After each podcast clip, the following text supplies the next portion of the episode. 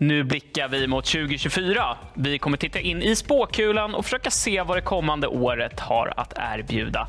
Kanske kommer vi till och med med några små spaningar som vi får sota för sen, eller hur Kalle? Ja, så lär det väl bli. Förmodligen så lär vi ha en, en, en del fel, men eh, så kan det vara. Vi kommer fokusera på vad kan driva marknaden framåt, eh, vilka typer av bolag ska man äga då och eh, vi ska även gå tillbaka till den här tillväxt versus utdelningsportföljen, hur man, ska, hur man ska äga dem fram och tillbaka under året. Det kanske kan vara rätt väg. Vi får se. Kommer vi ur det här med hedern i behåll? Inte helt säkert, men det blir kul. Häng med!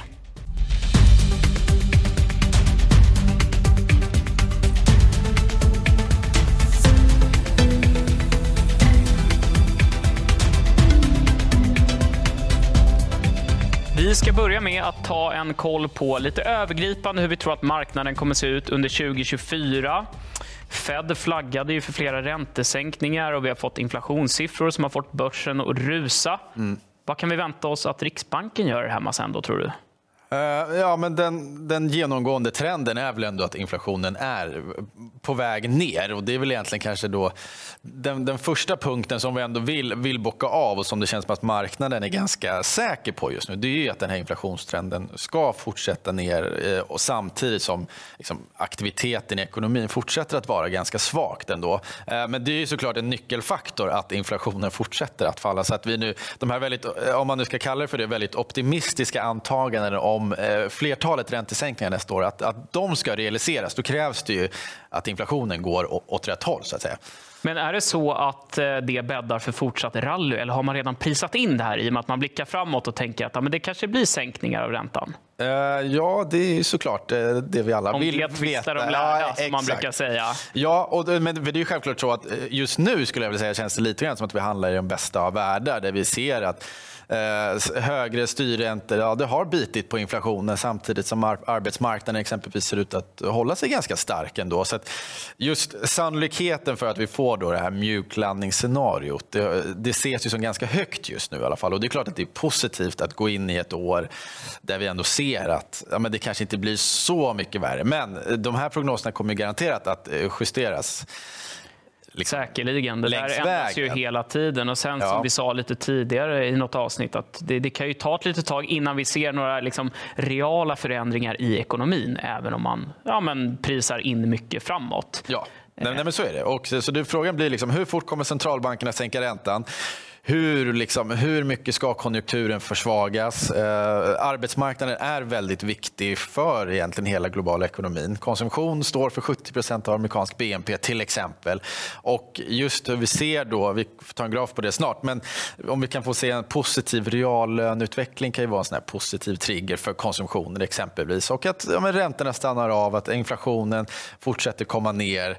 Eh, så får vi se, och det kan ju hända massa saker. Vi, alltså, vi, vad, vad vet jag, geopolitiken kan stöka till det och vi ser skenande energipriser igen. Jag har ingen, ingen aning. Så är det ju och det kommer vi återkomma till. Du har tittat på kronan också, men det kanske också går händelserna i förväg. Ja, men, vi börjar med lönerna ja, då. Ja, men vi kan börja med, med lönerna och eh, bara konstatera då att det kan ju då vara en, om vi tittar på den just inflationen och löneutvecklingen. Nu tog jag i, i Sverige här och där är inflationen fortsatt eh, hög jämfört med många andra länder. Men det är bara intressant att den börjar liksom mötas där någonstans och att det i sin tur ändå kan agera tillsammans med då, ja, men signalvärdet att räntorna inte ska fortsätta stiga, att det kanske inte ska bli värre än så här nu. Arbetslösheten nej, men den tickar inte upp så mycket. Det ihop gör ju att det borde finnas en alltså, positiv grogrund för, för konsumtionen att ändå fortsätta att liksom, ja, men vara okej okay i alla fall. Att efterfrågan där ute, och det behöver inte bara spegla eh, konsumentbolag utan det, blir en, det påverkar de flesta bolagen ute i ekonomin. Att, att det ändå blir en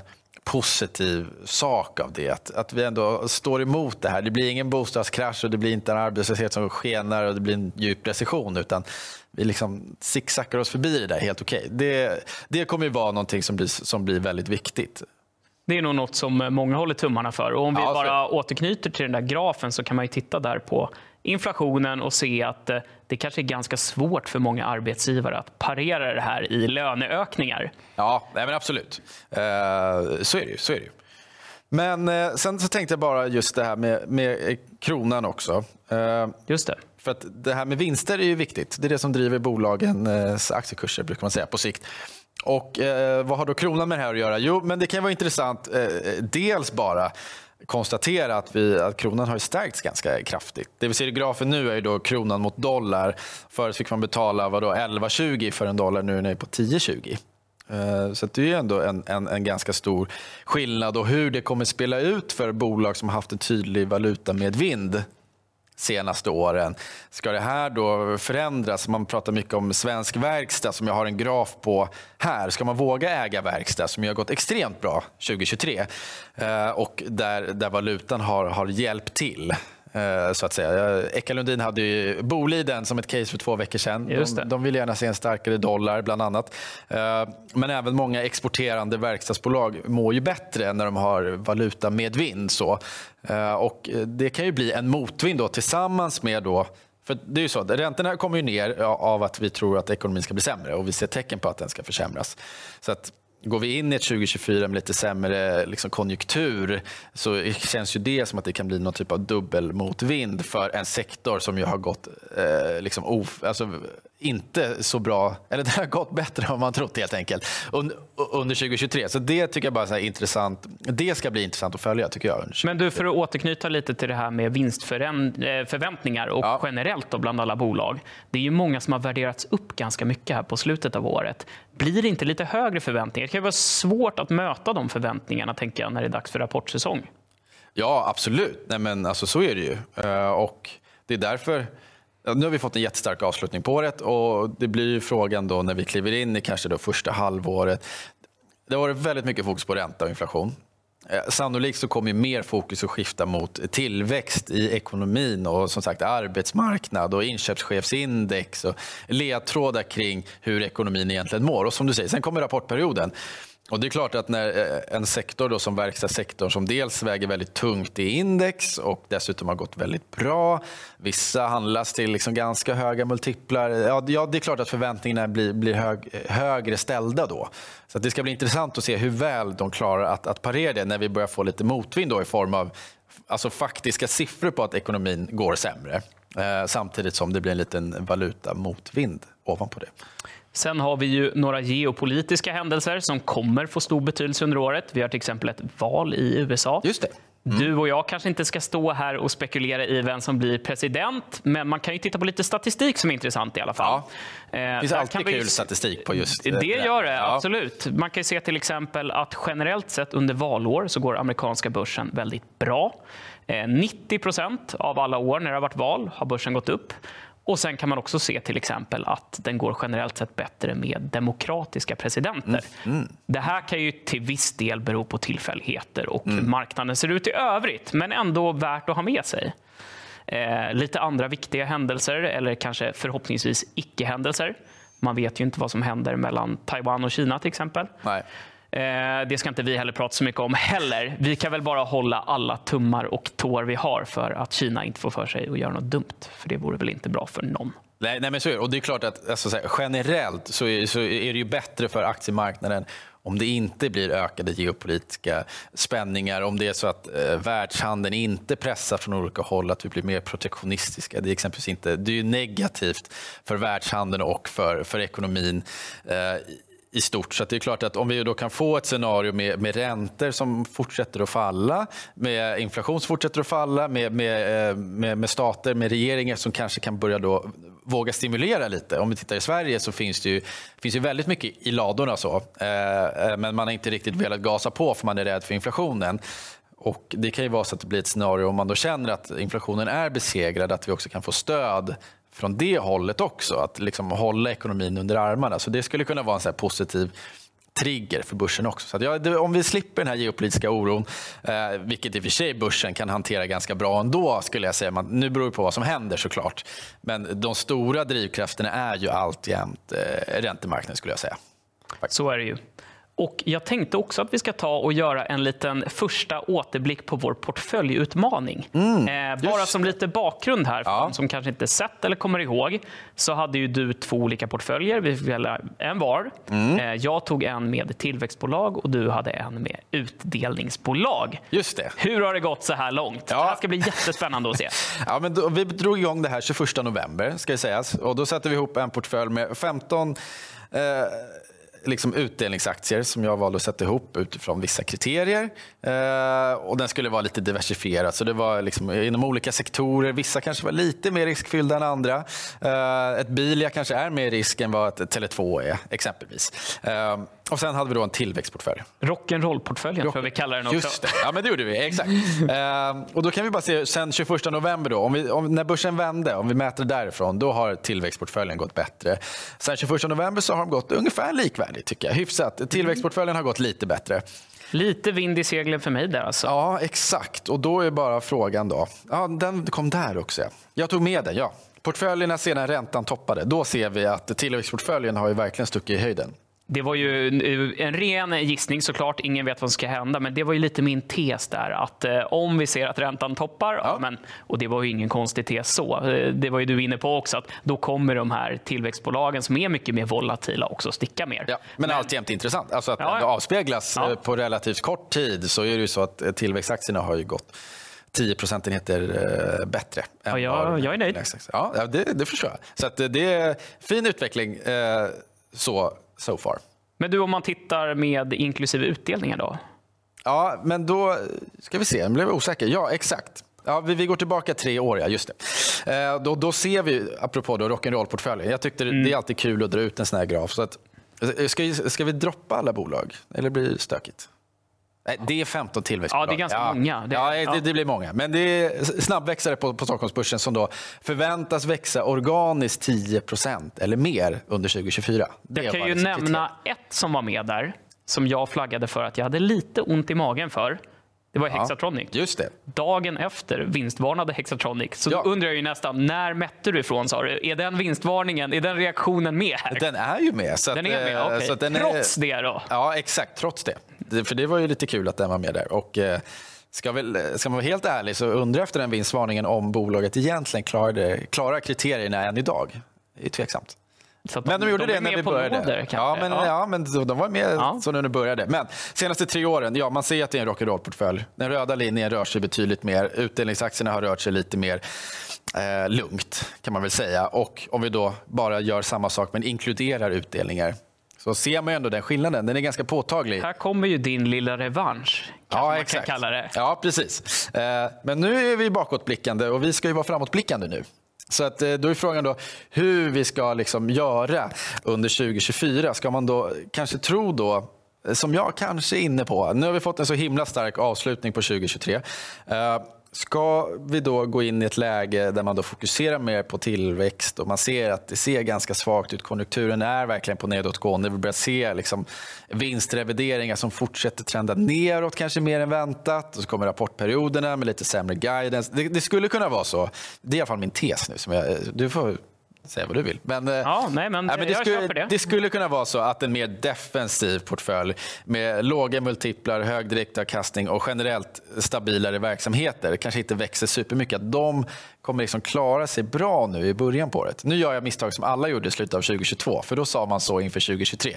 Och Det blev jobbigt i början, för det gick så himla bra. Men eh, nu tror jag väl ändå att det kanske blir så. Och att, så den kommer gå bättre första halvåret tror jag. Mm. Sen kanske man ska då switcha när marknaden liksom börjar titta framåt och man ser att nu, nu är det värsta över. Liksom. Tillväxtförutsättningarna finns där. De här bolagen de kommer växa på bra och räntan är låg.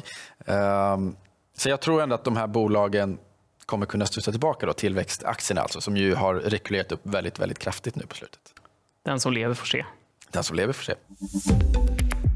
Nu har vi kommit fram till den sista programpunkten här som vi kallar för spåkulan 2024. Vi kommer inte dela ut några poäng, men jag tycker ändå det är lite roligare om det är så att man har rätt i någonting som är en lite mer djärv gissning. Har du några sådana? Ja, men det kan komma och det får ju du Aha. avgöra också, för du ska vara med och bolla med mig hur troligt du tycker att det här är. Mm. Jag kommer säga några små förutsägelser mm. och så får du kommentera helt enkelt. Som okay. analytiker, vad, vad du tror ja, eller vad du tycker.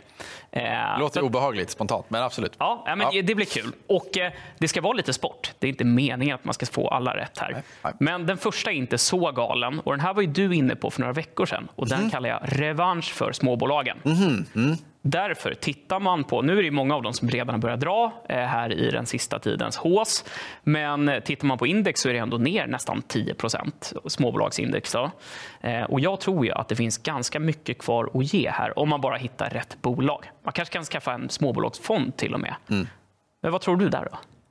Uh, ja, men jag håller nog ändå med om det. Mm. Och du måste inte uh, hålla med? Nej, nej, men det gör jag inte. Nej, men jag tror ändå uh, just att vi får det här skiftet med, med räntor som, om man då tror att räntorna fortsätter falla. Om man då tror, många brasklappar här, men om man tror att inte ekonomin ska försämras avsevärt så, så, så, då tycker jag ändå att förutsättningarna ser bättre ut ja, för småbolagen. Exempelvis att, alltså de, jag vi pratat om förut, att det, de är mer beroende av extern finansiering exempelvis än vad större bolag är och det blir lättare om vi har en kreditmarknad som liksom kanske är lite mer men är villig att ta risk och räntorna är lägre. Och det kan bli, jag tror att vi kommer se liksom bolag som kommer in på börsen i helt annan... Liksom, fler kommer komma in på börsen 2024 än 2023 exempelvis. Så att den marknaden börjar tina upp lite grann. Jag tror att, det vore ju kul. Ja, och jag tror att vi kommer se fler förvärv också. Fler större förvärv under nästa år. Så det tror jag också kommer vara en sån här grej som kommer följa med i takt med att räntorna blir lite lägre och riskaptiten lite mer kommer tillbaka till de finansiella marknaderna och till aktiemarknaden i synnerhet. Och då kommer det synas i form av mer IPOs, och fler förvärv exempelvis. Så att ja, och då kommer det även spela över på småbolag tror jag. Så ja, men jag, jag håller nog med om att eh, när året summeras, så ja, då tror jag att eh, small cap, det är inte så små bolag, men jag tror att small cap kommer att gå bättre än large cap. Ja, men det tror jag. Mm. Ja, men eh, då kan vi sammanfatta det som att förutsättningarna finns där i alla fall. Jag ska ja. inte lägga orden i munnen på dig, men jag tolkar dig lite ja. så. Eh, nummer två då, är du redo? Ja. Jag kallar den här för en regulatorisk våg som sveper in över bilindustrin. Mm, man älskar ju sådana ja. vindar. Ja, men på riktigt alltså. Den här är ju lite mer nördig. Aha. Men mm. 2024 kommer mm. bli ett extremt viktigt år för säkerhet i bilar. Mm. Det finns bland annat en EU-regel, det finns regler i andra länder också, i USA och så, som säger att bilarna måste ha vissa säkerhetssystem. Det brukar kallas driver monitoring systems. Mm. Och det är till exempel en trötthetsvarnare i en bil. Mm. Det finns lite olika teknik. Det finns kameror som liksom känner av dina rörelser. Det finns eye tracking och sådär. Ja. Men 2024 måste alla nya bilmodeller ha vissa av de här systemen. Sen fortsätter det. 2026 kommer nya krav. Och Det här innebär liksom att idag kanske det är en BMW 7-serie för en miljon mm. har det här systemet. Mm. Men från och med nu, alla nya bilmodeller, måste liksom, nästa generation Skoda Fabia måste ha det här. Och då förstår man hur stor den marknaden är. Verkligen. Eh, och så här, det här har varit känt, det är säkert ja. till viss del inprisat. Men jag är inte säker på att alla förstår vilken otrolig industri det här kommer bli under kommande år. Och där finns det faktiskt ett gäng svenska bolag som har färdiga system för det här och sysslar med det. Mm. SmartEye till exempel, kanske mm. vissa känner igen. Mm. Nu vann ju de ett miljardavtal här bara i dagarna. Ah, så okay. de hann ju före mig här. Ja, ja. Eh, men min lilla spaning är att så här, håll koll på de här bolagen som sysslar med det här. Mm. Vinner de något kontrakt, ja, men då kan det vara stort. Smartare, där stod det ju rent av att ja, men det är en miljardaffär, det är 46 nya modeller. Ja. Men där kan man gräva lite själv också. Ser man att man vinner ett avtal så kan man räkna med att det... För vad har vi mer? Vi har Autoliv. Autoliv har du, du har Tobii, Tobii ja, som sysslar med eye tracking. Det finns flera mindre också. Ja. Och där är jag, jag håller koll lite på det här och ser att ja, men lite då och då kommer det så här vunna avtal nu. Därför att det är bråttom. Biltillverkarna måste ha de här avtalen, de måste ha tekniken mm. innan de här reglerna liksom träder i kraft. Ja. Så att, ja, Spännande. Vad säger du om den då? Ja, men eh, absolut, det låter väl jättespännande. Underleverantörer till bilindustrin. Och det kanske ja. då funkar också om man då tror att konsumenten ska hålla sig lite starkare och kanske börja shoppa lite. Bilindustrin ja, kanske mår lite bättre ja. också. Då kanske det kan hjälpa till. Helt klart. Och, och alldeles oavsett hur det blir med de här nyregistreringarna av bilar så, ja. så kommer det ju komma nya bilmodeller. Men det är klart det också skulle bli liksom en extra positiv skjuts mm. om eh, biltillverkarna kan leverera bilar. Kul! Ja. Sista då. Ja. Är du redo? Jag är redo. Och den här kallar jag för en gradvis nedkylning av AI-bolagen. Ah. Mm. De har gått för bra, tycker du? Ja, men Alltså, de, har, har gått, gått befogat bra och jag ska absolut inte prata ner trenden. Den kommer vara otroligt viktig även framåt. Ja. Även om jag tror att vårt beteende kommer förändras lite grann. kommer jag tillbaka till sen. Men nu tänker jag som bolag. Vi har sett till exempel hur flera av de här ledarna, eh, Nvidia till exempel, Adobe, såg du någonting om hur de rapporterade? Nej, de föll väl på rapporten. Ja, det, precis, ja. men det var urstarka rapporter ja. och de faller ändå. Ja. Och Då tänker jag så att det enda man tittar på är guidning, hur ser det ut framåt? Och Jag tror att vi har lite för höga förväntningar av vad de kan leverera för vinst. Om vi ser att en bra rapport kommer och den ändå faller. Ja. Eh, så där är väl spaningen lite att så här, som bolag så tror jag att man ska vara lite försiktig kanske. Ja, alltså det är väl, för så kan det ju verkligen bli när någonting blir väldigt hett. Nu är det här ett extremfall och det ska inte liknas med AI, men om vi tittar på cannabissektorn. Mm. Men var också någon sorts eh, bubbla. Ja, men det, ja, ja, men det var ju, det var ju så hett. Det fanns ju ingen hejd hur hett det var. Alltså. Eh, och även om analysen i sig var rätt att cannabis kanske skulle bli mer liksom, accepterat och så att man skulle se tillväxt på det sättet så att, att bolagen skulle lyckas var inte samma sak. Och de flesta cannabisaktier är ner 90 till nästan 100 procent på några år. Nu säger jag inte att det är samma sak som AI, men alltså, grejen att man extrapolerar. Men har du säger. någon sån eh, spaning då? Jag misstänker att det inte är cannabis. Har du någonting som du tror spontant för 2024? Inte sådär på rak arm. Sådär. Nej, men däremot jag förstår verkligen vad du menar med att här, det blir lätt hänt att man då extrapolerar den här tillväxtkurvan, man bara drar ut den, att det ska bli, generera så här mycket vinster längre fram i tiden.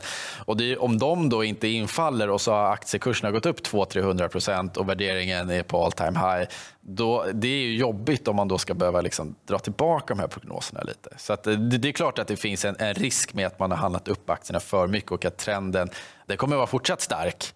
Men det är klart att man kan ha dragit på lite i sina prognoser. Så är det. Så är det. Och eh, ska man titta på hur vi kommer använda AI framåt, så bara en jättesnabb parallell. När vi har varit inne på bilbranschen Ja. så tror jag att vi kommer se det som hände med självkörande bilar. Kommer du ihåg när man började prata om det för det är nästan tio år sedan nu, Mm. de första? Då tänkte ju alla så här, de hejade på, det här är någonting, vi kommer aldrig behöva sitta framför ratten igen. Eh, Men sen insåg man det att det här kanske snarare ska vara ett litet hjälpmedel och det var ju också baserat på AI då såklart. Ja. Nvidia gick till exempel då också. Ja. Men att det är så jag tror kommer hända med AI nu. Därför att nu tittar man till exempel på Microsoft som såklart är en sorts ledare i det här racet. Då ser man det hur de bygger in sitt, som de kallar Copilot. Det ska vara din hjälpreda i alla befintliga program. Så att den liksom hjälper dig att bli effektivare. Men du ska fortfarande själv liksom sitta bakom ratten. Och med det tror jag att det har börjat bli dags för oss att knyta upp säcken för den här gången också. Ja. Ja, och nu Strålande. mer relevant än någonsin när vi har pratat om lösa framtidsspaningar Ja. Måste vi komma med en riskvarning? Exakt. Så att, eh, vi ska bara påminna alla tittare om att trading är förenat med risk och att allt som sägs i det här programmet ska ses som inspiration och eh, absolut ingenting annat. Ja, vi ser fram emot att se vad 2024 har att erbjuda här. Vi får se om vi har rätt eller fel i våra förutsägelser. Alldeles oavsett så vill vi tacka alla er som har tittat.